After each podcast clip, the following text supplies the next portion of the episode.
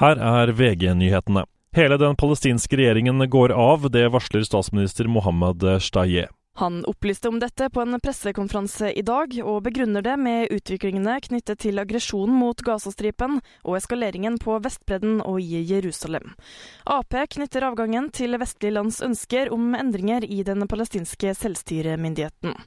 For en drøy uke siden møtte han Norges utenriksminister Espen Barth Eide i forbindelse med sikkerhetskonferansen i München. Reporter Miriam Alsvik.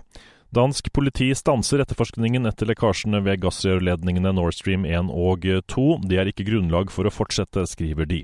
Dansk og svensk politi mente at lekkasjen var en villet handling og startet etterforskning, men nå er begge etterforskningene lagt ned. De to mennene fra Sørlandet som er tiltalt på flere punkter for seksuelle overgrep mot mindreårige asylsøkere, erkjenner ikke straffskyld. Den ene mannen erkjenner likevel straffskyld for punktet om brudd på besøksforbud.